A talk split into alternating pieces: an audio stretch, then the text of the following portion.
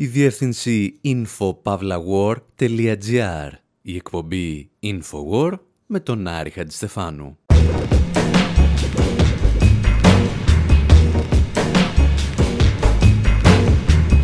Όπου σήμερα αναρωτιόμαστε εάν το δίκτυο ίδρευσης είναι σαν το Facebook και αφού κάποιοι ιδιωτικοποιούν το πρώτο, μήπως θα πρέπει να εθνικοποιήσουμε το δεύτερο. Σκεφτόμαστε εάν τα μέσα κοινωνικής δικτύωσης έχουν γίνει εξίσου απειλητικά με τον πολίτη Κέιν και αναρωτιόμαστε τι θα είχε να πει ο Όρσον Welles για το πρόβλημά μας. Υποστηρίζουμε ότι ο Steve Jobs της Apple ήταν ένας κρατικοδίαιτος ακαμάτης και περιμένουμε από τους απανταχού νεοφιλελεύθερους να εκδώσουν φετφά, ζητώντας τον αποκεφαλισμό μας κάπου στη Silicon Valley. Και ύστερα, αφού εθνικοποιήσαμε το Facebook, θέτουμε το ερώτημα εάν έχει έρθει η σειρά και των μεγάλων τραπεζών.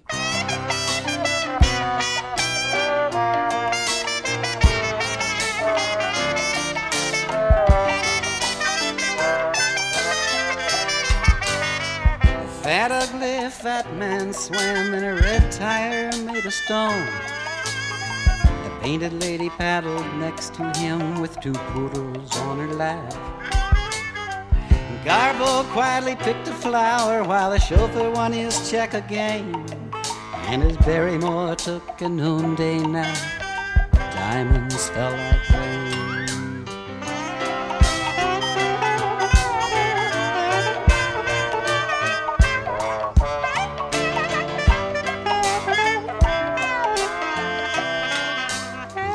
Cisco kid and a bald-headed waitress trapped neath the bed of brass. And the French cook served them chocolate and some cold cuts on the grass. Luella ripped her zebra pants in the polo lounge.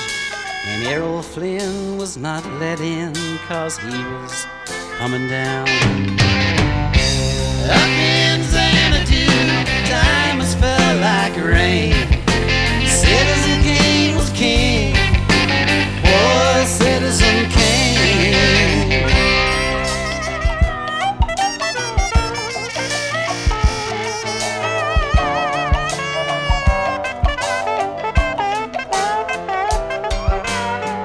Valentino suddenly appeared in his midnight blue tuxedo. He had a falcon on his shoulder, eating chicken from his hands. Fatty Arbuckle waddled by on his way to the bathhouse green. And Frankenstein ate the leading lady and licked the carcass clean.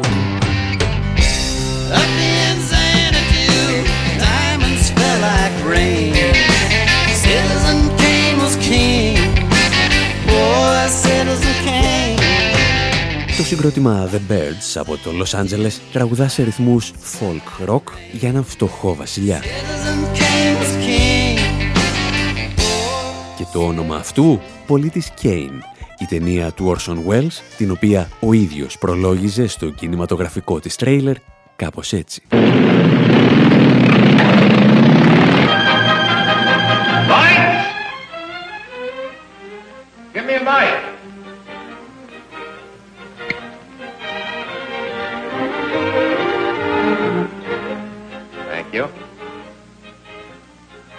How do you do, ladies and gentlemen? This is Orson Welles. I'm speaking for the Mercury Theater, and what follows is supposed to advertise our first motion picture. Citizen Kane is the title, and we hope it can correctly be called a coming attraction. Από τις χιλιάδες αναλύσεις που έχουν γίνει για αυτή την κορυφαία στιγμή του παγκόσμιου κινηματογράφου, εμείς θα συγκρατήσουμε σήμερα αυτή που έκανε ο Ιγνάσιο Ραμονέ όταν ήταν ακόμη διευθυντής της Μον Diplomatique. Σύμφωνα λοιπόν με τον Ραμονέ, ο πολίτης Κέιν παρουσιάζει την πρώτη κινηματογραφική μορφή ενός βαρόνου των μέσων ενημέρωσης, ο οποίος χειραγωγεί την κοινή γνώμη. Όπως υποστήριζε ο Ραμονέ, για τα σημερινά δεδομένα, ο πολίτης Κέιν δεν θα ήταν παρά ένας νάνος ανάμεσα στους βαρόνους. Ας πούμε κάτι σαν την οικογένεια Κούρη. Αφού διέθετε, λέει, μόνο μερικές εφημερίδες και μάλιστα σε μία μόνο χώρα. Τι πας να κάνεις; Ο νέος βαρόνος των μεσών ενημέρωσης, εξηγούσε ο διευθυντής της Μον Diplomatique, είναι ο Ρούμπερτ Μέρντοχ, η αυτοκρατορία του οποίου εκτείνεται σε ολόκληρο τον πλανήτη. Μια αυτοκρατορία μάλιστα η οποία δεν περιλαμβάνει μόνο εφημερίδες, αλλά και δεκάδες ηλεκτρονικά μέσα ενημέρωσης. Αυτά όμως και ο Ραμονέ τα έλεγε στις αρχές της δεκαετίας του 90. Σήμερα ο πολίτης Κέιν παραμένει ένας νάνος ανάμεσα στους τιτάνες των μέσων ενημέρωσης. Το πρότυπο όμως των τελευταίων ίσως να μην είναι αναγκαστικά ο Μέρντοχ, αλλά ο Μάρκ Ζάκερμπεργκ, ο δημιουργός του Facebook. Ιστορίες για να έχουμε να λέμε, ύστερα από ένα μικρό διάλειμμα.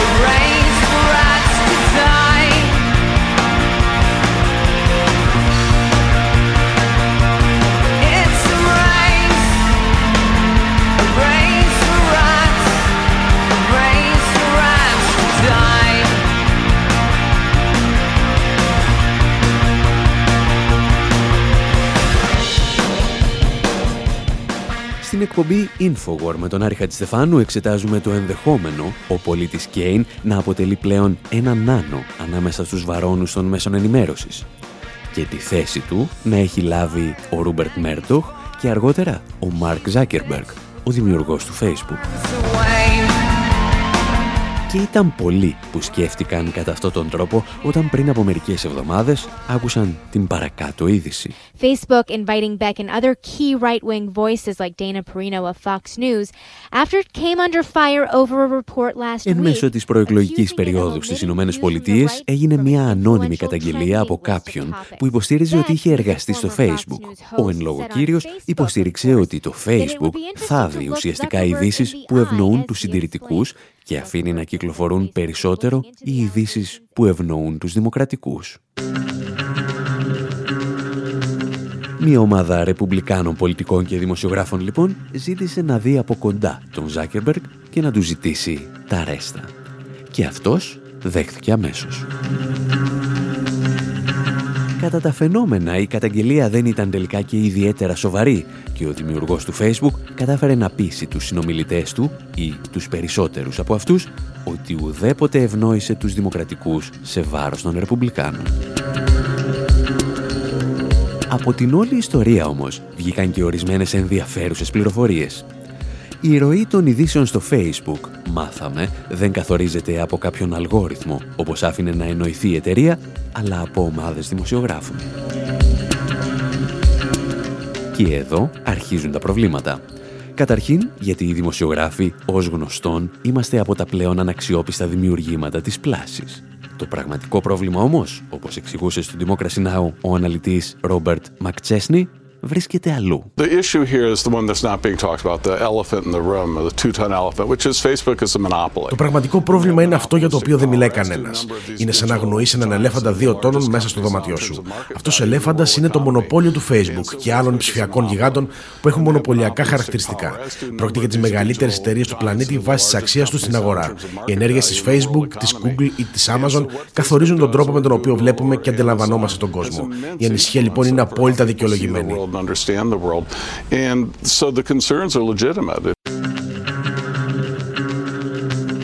Ο Ρόμπερτ Μακτσέσνη δεν φαίνεται να έχει καμία αμφιβολία ότι στην περίπτωση των μονοπωλιακών επιχειρήσεων το μέγεθος μετράει και μάλιστα είναι ευθέως ανάλογο της απειλής που προκύπτει για την ελευθερία και τη δημοκρατία. Το πραγματικό ερώτημα όμως είναι αν πρέπει να επιτρέπουμε να υπάρχουν ιδιωτικά μονοπόλια με τόσο μεγάλη πολιτική επιρροή και ισχύ. Νομίζω η δημοκρατική θεωρία έχει μια πολύ σαφή απάντηση και αυτή είναι όχι. Αυτή η κατάσταση έρχεται σε αντίθεση με οτιδήποτε παραπέμπει στην ελευθερία του τύπου και μια ελεύθερη κοινωνία.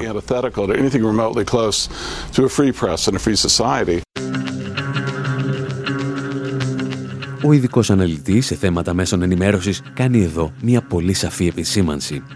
Το θέμα εξηγεί δεν αφορά τις καλές ή τις κακές προθέσεις των ανθρώπων που διοικούν ένα μονοπόλιο. Η ίδια η ύπαρξη του μονοπωλίου είναι το πρόβλημα. Then the other issue is if you're going to have this private monopoly, no matter how lovely you think the people who are run it are, how much you trust them, how benevolent you Υπάρχει όμως και ένα άλλο ζήτημα. Αν καταλήξει με ένα ιδιωτικό μονοπόλιο, όσο καλοί και αγαθοί και αν είναι οι άνθρωποι που το διαχειρίζονται και όση εμπιστοσύνη και αν τους έχεις, αργά ή γρήγορα θα προσελκύσουν το ενδιαφέρον των ισχυρών. Είναι λοιπόν λογικό και αναμενόμενο ότι σταδιακά θα αρχίσουν να ικανοποιούν τις απαιτήσεις τους.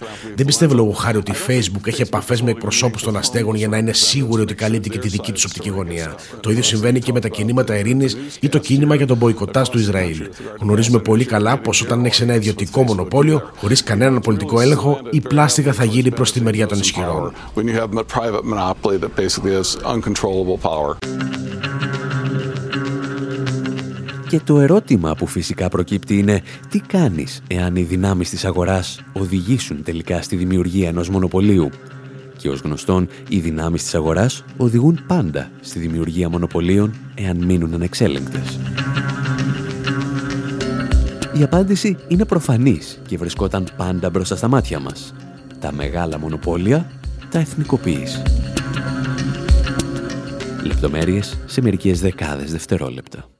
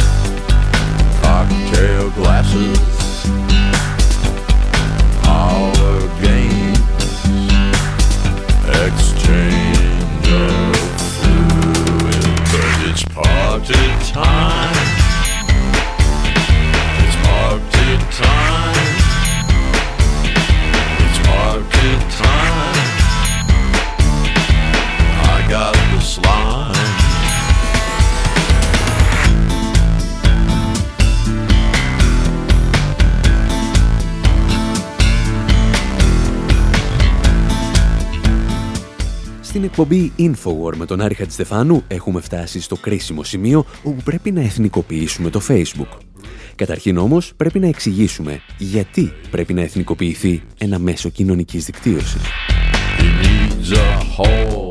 Μερικά επιχειρήματα συνοψίζει για εμάς ο αναλυτής Ρόμπερτ Μακτσέσνι που μίλησε γι' αυτό στο δίκτυο Democracy Now! If you have a company so big that you can't allow it to exist, but it's in an industry where it can't be broken. Όταν έχεις μια εταιρεία η οποία είναι πολύ μεγάλη για να της επιτρέψεις να υπάρχει και την οποία δεν μπορείς να σπάσει σε μικρότερα κομμάτια, τότε λαμβάνει χαρακτηριστικά μονοπωλίου. Σε αυτές τις περιπτώσεις πρέπει να την απομακρύνεις από την αγορά. Έτσι κάναμε παλαιότερα με τα ταχυδρομεία. Τα αποσύραμε από την αγορά για να μην δημιουργηθεί ιδιωτικό μονοπόλιο. Στόχος σου είναι να μην αποτελούν ένα μηχανισμό παραγωγής κέρδους. Μπορείς να αναθέσεις τη λειτουργία τους στους Δήμους ή να τα εθνικοποιήσεις με κάποιο τρόπο. Με αυτόν τον τρόπο δεν ενισχύεις απλώς την κοινωνία στο σύνολό της, αλλά και τις μικρότερες επιχειρήσεις. Έτσι θα εξασφαλίζεις ότι δεν θα τις κλέβουν τα μονοπόλια και οι πολίτες δεν θα πληρώνουν ακριβότερα για τις ίδιες υπηρεσίες. Businesses aren't getting ripped off by these monopolies to pay much higher rates for their services than they would have to pay otherwise. Ο Ρόμπερτ Μακτσέσνι λέει κάτι πάρα πολύ απλό. Είτε πιστεύεις στον καπιταλισμό, είτε στο σοσιαλισμό και τον κομμουνισμό, δεν μπορείς να επιτρέψεις τη δημιουργία ιδιωτικών μονοπωλίων. Κάποιες επιχειρήσεις όμως έχουν από τη φύση τους μονοπωλιακά χαρακτηριστικά. Η εταιρεία ίδρευσης λόγου χάρη πρέπει να είναι μία. Διαφορετικά, προκειμένου να υπάρχει ανταγωνισμός, κάθε ιδιώτης θα έπρεπε να περνάει τους δικούς του σωλήνες μέσα στην πόλη. Το ίδιο συμβαίνει και με τις υποδομές των σιδηροδρόμων. Δεν θέλεις κάθε ιδιώτης να περνά τις δικές του ράγες μέσα από το χωράφι σου.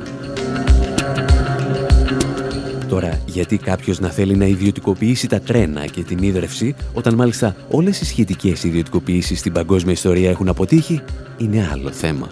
Δεν είναι άλλωστε τυχαίο ότι τέτοιου είδους ιδιωτικοποιήσεις μονοπωλίων γίνονται πλέον μόνο σε δικτατορίες του τρίτου κόσμου ή σε σύγχρονες απικίες χρέους. Το Facebook πάντως, για να επιστρέψουμε στη δική μας ιστορία, είναι σαν μια εταιρεία ίδρευσης. Δεν μπορείς και δεν θέλεις να το σπάσεις σε 10 μικρότερα κομμάτια, γιατί τότε δεν έχει λόγο ύπαρξης. Άρα, πρέπει να περάσεις τον έλεγχο των πολιτών. Στο σημείο αυτό μπορείτε να καταλάβετε ότι οι ελάχιστοι νεοφιλελεύθεροι που μπορεί να ακούν κατά λάθος αυτή την εκπομπή έχουν αρχίσει να οργανώνονται και κινούνται απειλητικά με αναμένες δάδες προς τις εγκαταστάσεις του ραδιοφωνικού σταθμού που μεταδίδει την εκπομπή. Εμείς όμως δεν έχουμε τελειώσει ακόμη μαζί τους. Γιατί στο δεύτερο μέρος της εκπομπής θα τους εξηγήσουμε ότι ο αγαπημένος τους Steve Jobs της Apple ήταν ένα είδος κρατικοδίαιτου επιχειρηματία, ο οποίος αν δεν στηριζόταν στην Αμερικανική κυβέρνηση δεν θα τον ήξερε ούτε η μαμά του. Θα διηγηθούμε δηλαδή ιστορίες και από το ντοκιμαντέρ This is not a coup που συνεχίζει να προβάλλεται για τρίτη εβδομάδα στην Αθήνα και τη Θεσσαλονίκη και φεύγει σύντομα για Μασαλία, Λονδίνο, Παρίσι, Βρυξέλλες, Ζηρίχη, Γενέβη και άλλες πόλεις. Και μιλώντας για ντοκιμαντέρ, σας έχουμε και μία ακόμη έκπληξη. Την 5η 2 Ιουνίου στείλουμε το δικό μας μίνι φεστιβάλ στον κινηματογράφο Τριανών, στην Αθήνα. Με ενιαίο ειστήριο μπορείτε να παρακολουθήσετε το Ντετόκραση, το Καταστρόικα, το Φασισμός ΑΕ και το Δύσις Νοτεκού. Μέχρι να σκάσετε. Θα δούμε πού πέσαμε μέσα στις προβλέψεις μας και τι κάναμε λάθος. Θα δούμε πόσοι από τους συνεντευξιαζόμενούς μας έγιναν βουλευτές και πόσοι υπουργοί. Πόσοι κράτησαν το λόγο τους και πόσοι τα τίναξαν όλα στον αέρα. Γύρω στις 9 το βράδυ μάλιστα θα είναι μαζί μας και ο Πέτρος Παπακοσταντίνου για να συζητήσουμε για το ευρώ, την ευρωζώνη και την Ευρώπη. Ένα ημερήσιο πάρτι λοιπόν με δικά μας ντοκιμαντέρ και πρωταγωνιστές εσάς την 5η 2 Ιουνίου στο Τριανόν. Τις λεπτομέρειες θα τις βρείτε αργότερα στη διεύθυνση info.pavlawar.gr γιατί προς το παρόν μένετε εδώ και εμείς επιστρέφουμε ύστερα από ένα μικρό διάλειμμα.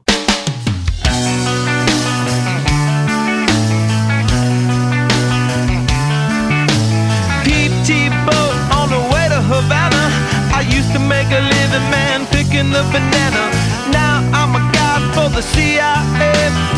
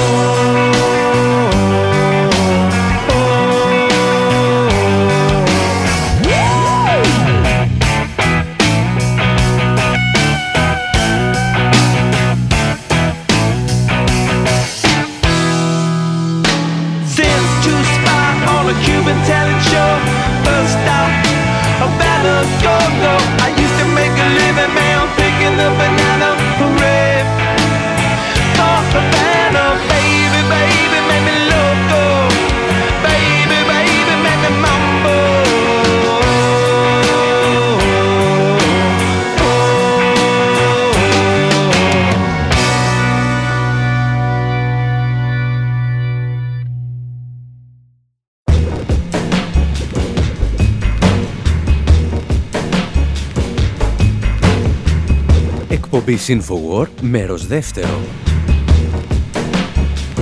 όπου αφού τα μιλήσαμε και τα συμφωνήσαμε ότι πρέπει να εθνικοποιήσουμε το Facebook, επιστρέφουμε για να απαντήσουμε σε ένα ερώτημα που σίγουρα θα το βρούμε μπροστά μας.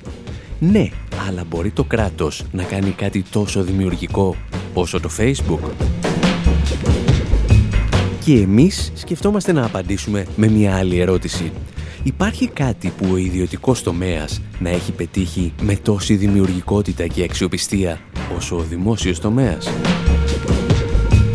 Για να εξηγηθούμε θα ξεκινήσουμε συνδέοντας το ίντερνετ με την κυβέρνηση. Όπως ακριβώς τα λέει δηλαδή και η μία στα τραγούδια της.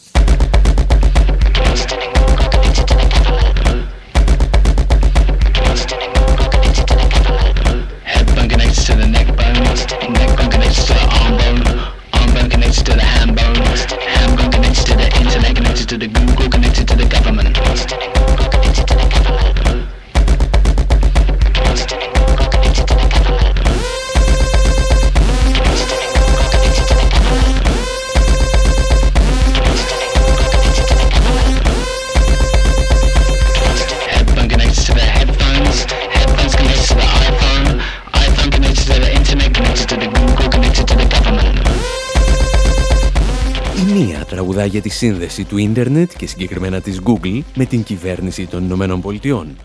Και αυτό που υπονοεί βέβαια είναι ότι η κυβέρνηση παρακολουθεί κάθε μας κίνηση στο διαδίκτυο. Neckbone connects to the arm bone. Arm bone connects to the hand. Πιστεύουμε όμως ότι υπάρχει και μία άλλη εξίσου σημαντική διασύνδεση του ίντερνετ με την κυβέρνηση. Ότι το πρώτο δεν θα είχε υπάρξει εάν η Αμερικανική κυβέρνηση και συγκεκριμένα το Αμερικανικό Πεντάγωνο δεν είχαν επενδύσει εκατομμύρια για τη δημιουργία των δικτύων που σήμερα αποκαλούμε διαδίκτυο. Και το ίντερνετ δεν είναι το μόνο πρωτοποριακό επίτευγμα της σύγχρονης τεχνολογίας, το οποίο δεν θα είχε υπάρξει χωρίς την κρατική παρέμβαση. Neckbone connects to the arm bone. Arm bone connects to the hand. Συζητούσαμε για αυτά τα θέματα με την οικονομολόγο Αν Πέτιφορ στο ντοκιμαντέρ This is not a coup.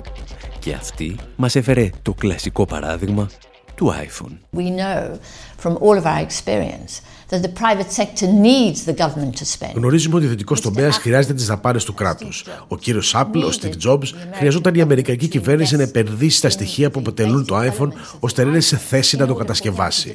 Ο ίδιος δεν είχε την απαιτούμενη επιχειρηματικότητα για να ανακαλύψει το ίντερνετ ή όλα τα άλλα στοιχεία που αποτελούν το iPhone. Αυτά τα στοιχεία στη συνέχεια ιδιωτικοποιήθηκαν και χρησιμοποιήθηκαν από τον ιδιωτικό τομέα. Γνωρίζουμε λοιπόν ότι οι κυβερνήσεις ενισχύουν την ιδιωτική then be δραστηριότητα. Privatized and used in the private sector. So we know that governments stimulate private activity. Υποπτευόμαστε ότι η Αν Πέτιφορ αντλεί το παράδειγμά της από το εξαιρετικό βιβλίο της Μαριάννα Ματσουκάτο, The Entrepreneurial State, σε πρόχειρη μετάφραση «Το κράτος του επιχειρήν». Η Ματσουκάτο, η οποία είναι καθηγήτρια οικονομικών στο Πανεπιστήμιο του Σάσεξ, πραγματοποίησε μια εξαντλητική έρευνα για το πώς όλες σχεδόν οι μικροσυσκευές που χρησιμοποιούμε σήμερα οφείλουν την ύπαρξή τους σε ερευνητικά προγράμματα του δημοσίου. Είτε πρόκειται για το Δημόσιο Πανεπιστήμιο ή ερευνητικά κέντρα του στρατού, διαφορών υπουργείων και ούτου καθεξής. Όσοι παρακολουθήσατε το ντοκιμαντέρ This is not a coup, θα διαπιστώσατε ότι τσιμπήσαμε ορισμένες πληροφορίες από το κράτος του επιχειρήν σε σχέση πάντα με το iPhone.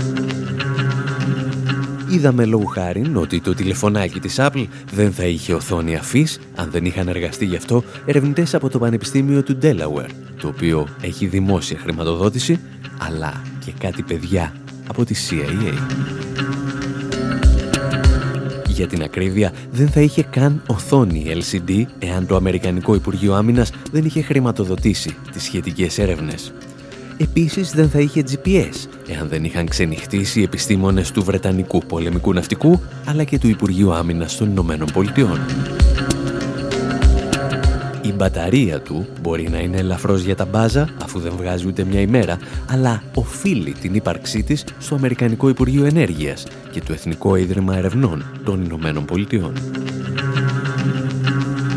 Όλα αυτά δηλαδή που μάζεψε σε μία συσκευή η Apple είχαν πληρωθεί πολλά χρόνια πριν από φορολογούμενους σε όλο τον κόσμο. Και στη συνέχεια, αντί να είναι κτήμα όλων των ανθρώπων, ιδιωτικοποιήθηκαν και πέρασαν στα χέρια μεγάλων εταιριών. Η ιστορία μας όμως δεν σταματά εδώ. Γιατί μια κυβέρνηση δεν έχει απλώς μεγαλύτερη εφευρετικότητα από μια ιδιωτική εταιρεία που ασχολείται μόνο με το άμεσο κέρδος. Σύμφωνα με την Αν Πέτιφορ, έχει και πολύ μεγαλύτερη ψυχραιμία σε καιρούς κρίσης. Governments aren't good at doing everything, but in a slump, the private sector is the most nervous animal in the room, if you like. Προφανώς οι κυβερνήσεις δεν τα κάνουν όλα σωστά. Σε περιόδους κρίσης όμως, ο ιδιωτικός τομέας είναι το πιο νευρικό ζώο στο δωμάτιο. Οι ιδιώτες είναι σαν τα ποντίκια και οι κυβερνήσεις είναι σαν τα λιοντάρια που είναι διατεθειμένα να αναλάβουν δράση παρά το ρίσκο.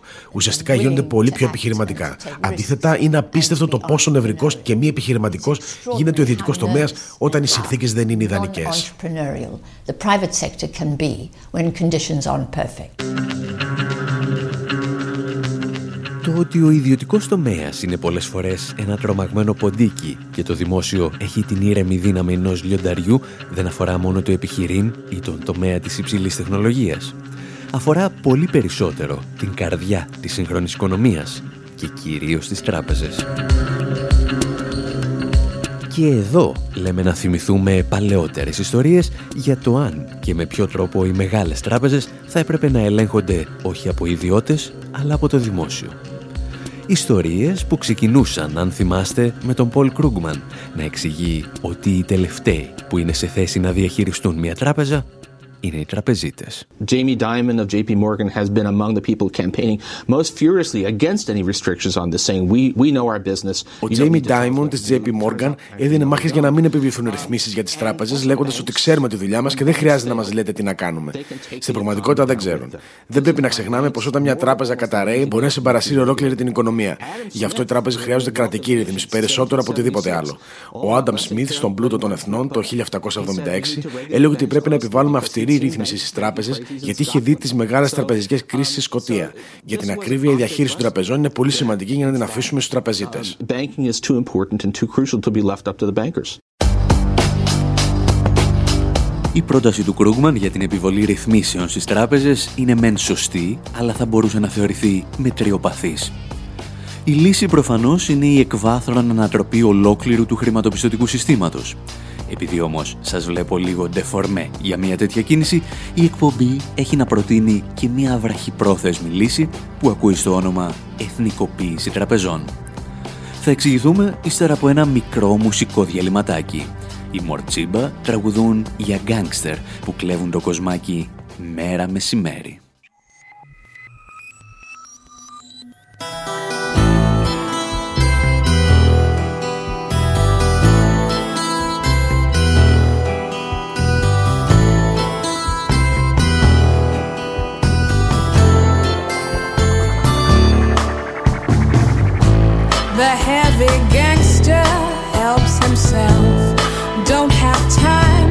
For no one else. Brittle bones and rotten veins celebrate ill-gotten gains. No time for justice or sweetness and light. How does he thrust his weakness aside? The grass is hissing to disallow this misappropriation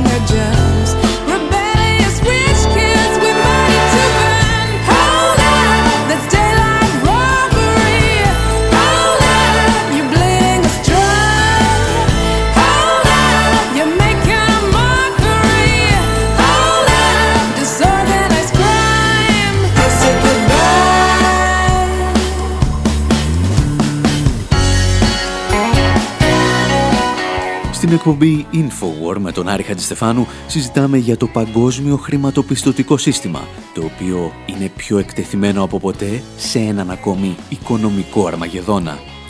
Ακούσαμε τον Πολ Κρούγκμαν να προτείνει επιβολή ρυθμίσεων, αλλά θέλαμε να πάρουμε τη γνώμη και ενός ακόμη οικονομικού γιατρού.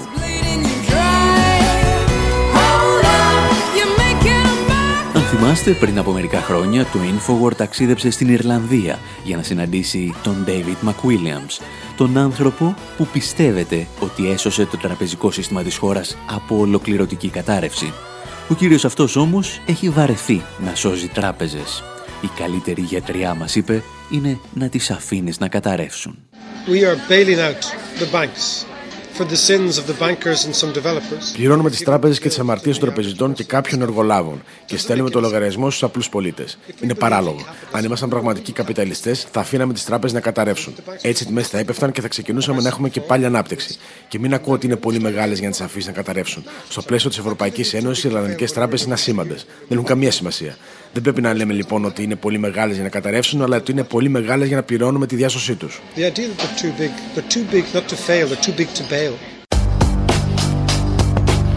Προφανώς ένα κράτος δεν μπορεί να αφήσει μια τράπεζα απλώς να καταρρεύσει, γιατί οφείλει να εγγυηθεί τις αποταμιεύσεις των πολιτών και να διασφαλίσει την ομαλή λειτουργία της αγοράς.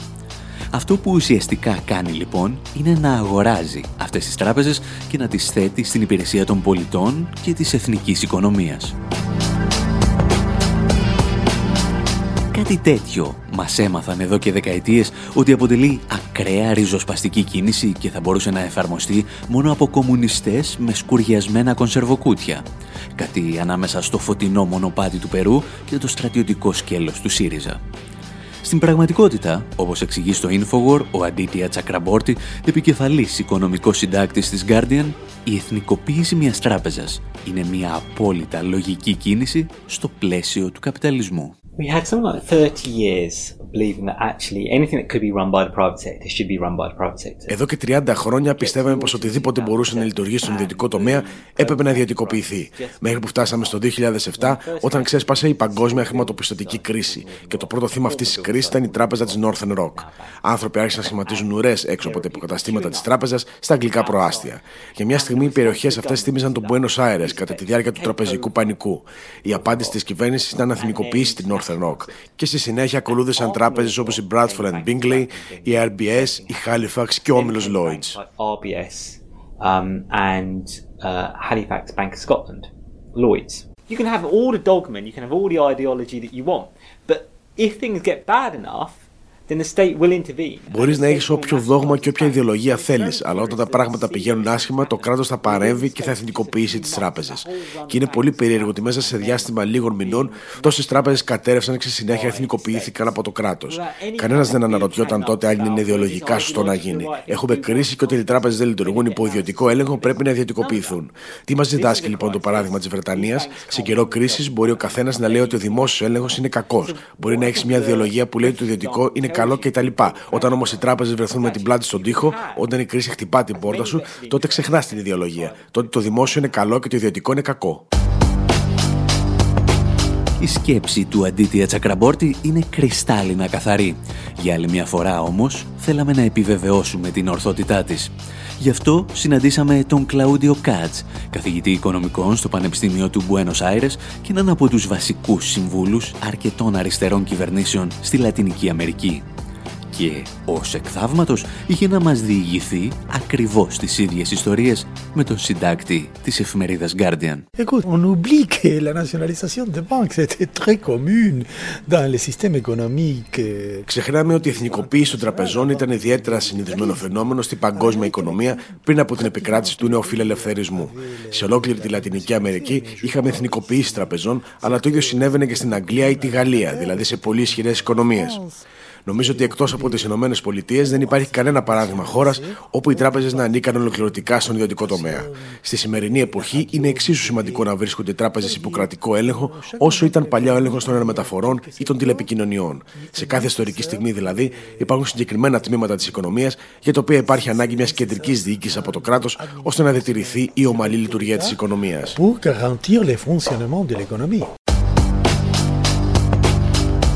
Η εθνικοποίηση των τραπεζών λοιπόν δεν είναι διόλου ριζοσπαστική κίνηση. Είναι αυτό που κάνει μια εθνική οικονομία αν πρέπει να προστατεύσει τους πολίτες της και τον εαυτό της. Προφανώς μια κυβέρνηση μπορεί να χρησιμοποιήσει την τράπεζα και εναντίον των πολιτών της, αν ελέγχεται όχι από τους πολίτες, αλλά από ορισμένες οικονομικές ελίτ. Σε κάθε περίπτωση όμως είναι ένα ακόμη βήμα δημοκρατικού ελέγχου της οικονομίας. Ξέρετε, μέχρι να καταλάβουμε τα χειμερινά ή τα θερινά ανάκτορα.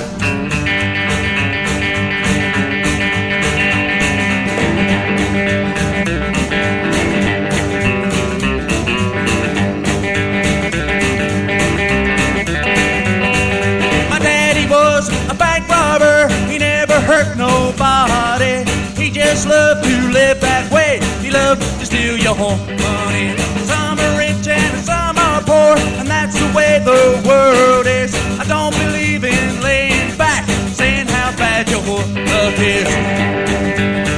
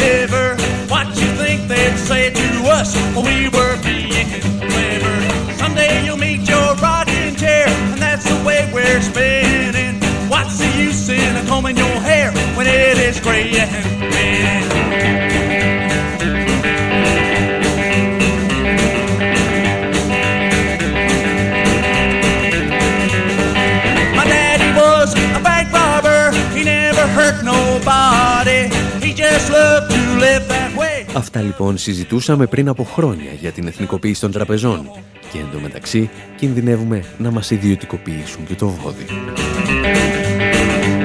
Και επειδή μας αρέσει να κοιτάμε πίσω και να σκεφτόμαστε τι είπαμε σωστά και τι κάναμε λάθος, θα το επαναλάβουμε την 5η 2 Ιουνίου στον κινηματογράφο Τριανών στην Αθήνα. Θα παίξουμε στη σειρά όλα μας τα μεγάλα ντοκιμαντέρ. Το Τετόκραση, το Καταστρόικα, το Φασισμός ΑΕ και το This is not a coup. Και μάλιστα με ενιαίο εισιτήριο. Θα περιγράψουμε όσα πάθαμε και όσα δεν μάθαμε στην Ελλάδα του Μνημονίου. Θα μας πείτε τι κάναμε λάθος στις αναλύσεις μας και θα σας εξηγήσουμε τι κάνατε κι εσείς λάθος στις επιλογές σας. Και όλα αυτά με πολύ popcorn, πατατάκια και μπύρες. Μέχρι πάντως την επόμενη ραδιοφωνική εβδομάδα από τον Άρη Χατζηστεφάνου στο μικρόφωνο και τον Δημήτρη Σταθόπουλο στην τεχνική επιμέλεια, γεια σας και χαρά σας.